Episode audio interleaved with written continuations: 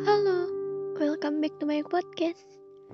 Kali ini judulnya adalah melepas dan ikhlas. Sesuai dengan judulnya, aku akan bahas suatu kisah yang berhubungan tentang cara melepaskan dan mengikhlaskan.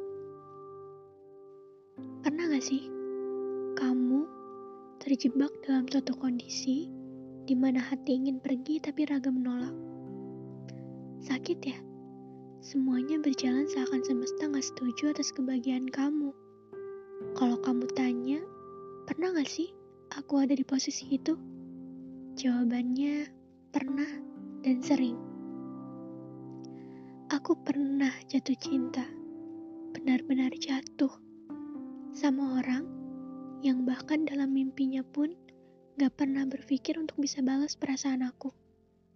Aku pernah perjuangin dia mati-matian Aku pernah lakuin segala hal agar dia bisa lihat aku. Aku pengen nunjukin kalau aku setulus itu sayang sama dia. Nyatanya, hadirku pun cuma sebatas angin yang dirasa, tapi tidak dilihat. Ada, tapi terabai. Patah, tentu saja. Siapa sih di dunia ini yang bisa dengan legowo menerima kenyataan cintanya bertepuk sebelah tangan? Di saat seperti itu, orang di sekelilingku selalu nyuruh aku buat berhenti. Ratusan kali mereka bilang kalau itu semua percuma. Perjuanganku gak akan bertitik di dia, tapi akan terus berputar di duniaku aja.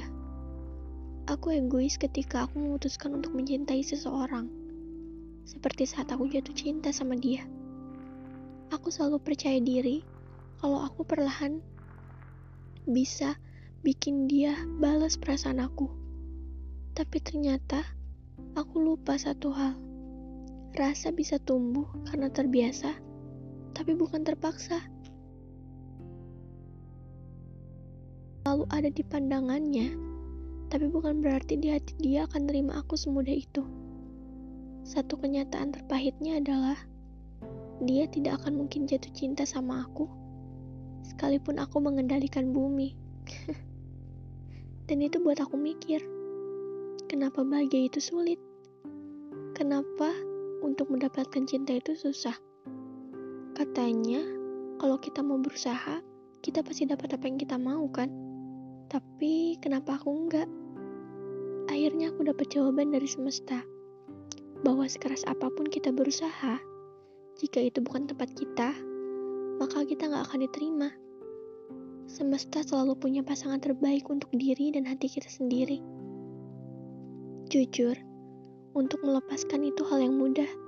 Aku cukup tegaskan sama dia kalau aku berhenti. Aku pergi. Hanya saja, aku butuh waktu yang lama untuk mencapai tahap ikhlas. Sebenarnya, gak ada momen spesial antara aku sama dia, selain hayalan yang aku buat sendiri. Tapi entah kenapa saat itu bayangin dia milih perempuan lain dan bahagia sama perempuan itu cukup bikin aku takut. Aku bahkan harus berusaha mati-matian dan tertinggal. Lalu, bagaimana bisa orang yang tidak berusaha bisa dikejar? Kejadian masa lalu itu cukup menyakitkan. Tapi di masa sekarang, aku cukup tersenyum dan anggap itu sebagai pembelajaran. Salahku adalah terlalu menempatkan dia di posisi tertinggi dan aku menjatuhkan diri serendah-rendahnya. Jadi saat dia hilang, aku lupa arah pulang.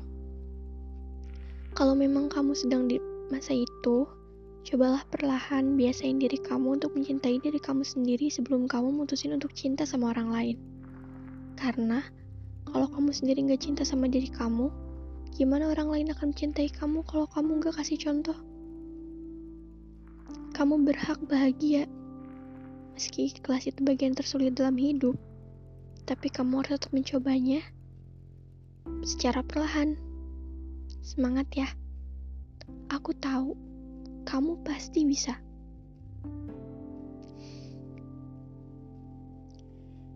Oke, untuk podcast kali ini cuma segitu aja sih.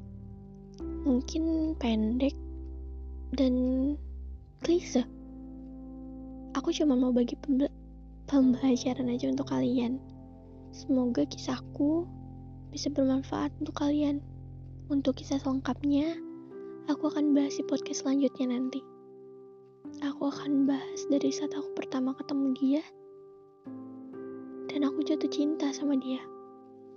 Terima kasih untuk kalian yang udah dengerin podcast aku. Jangan lupa di-share ke teman-teman kalian, biar teman-teman kalian juga bisa denger. Mereka share ke semua kontak mereka. Makasih ya, tetap stay di podcastku. Bye.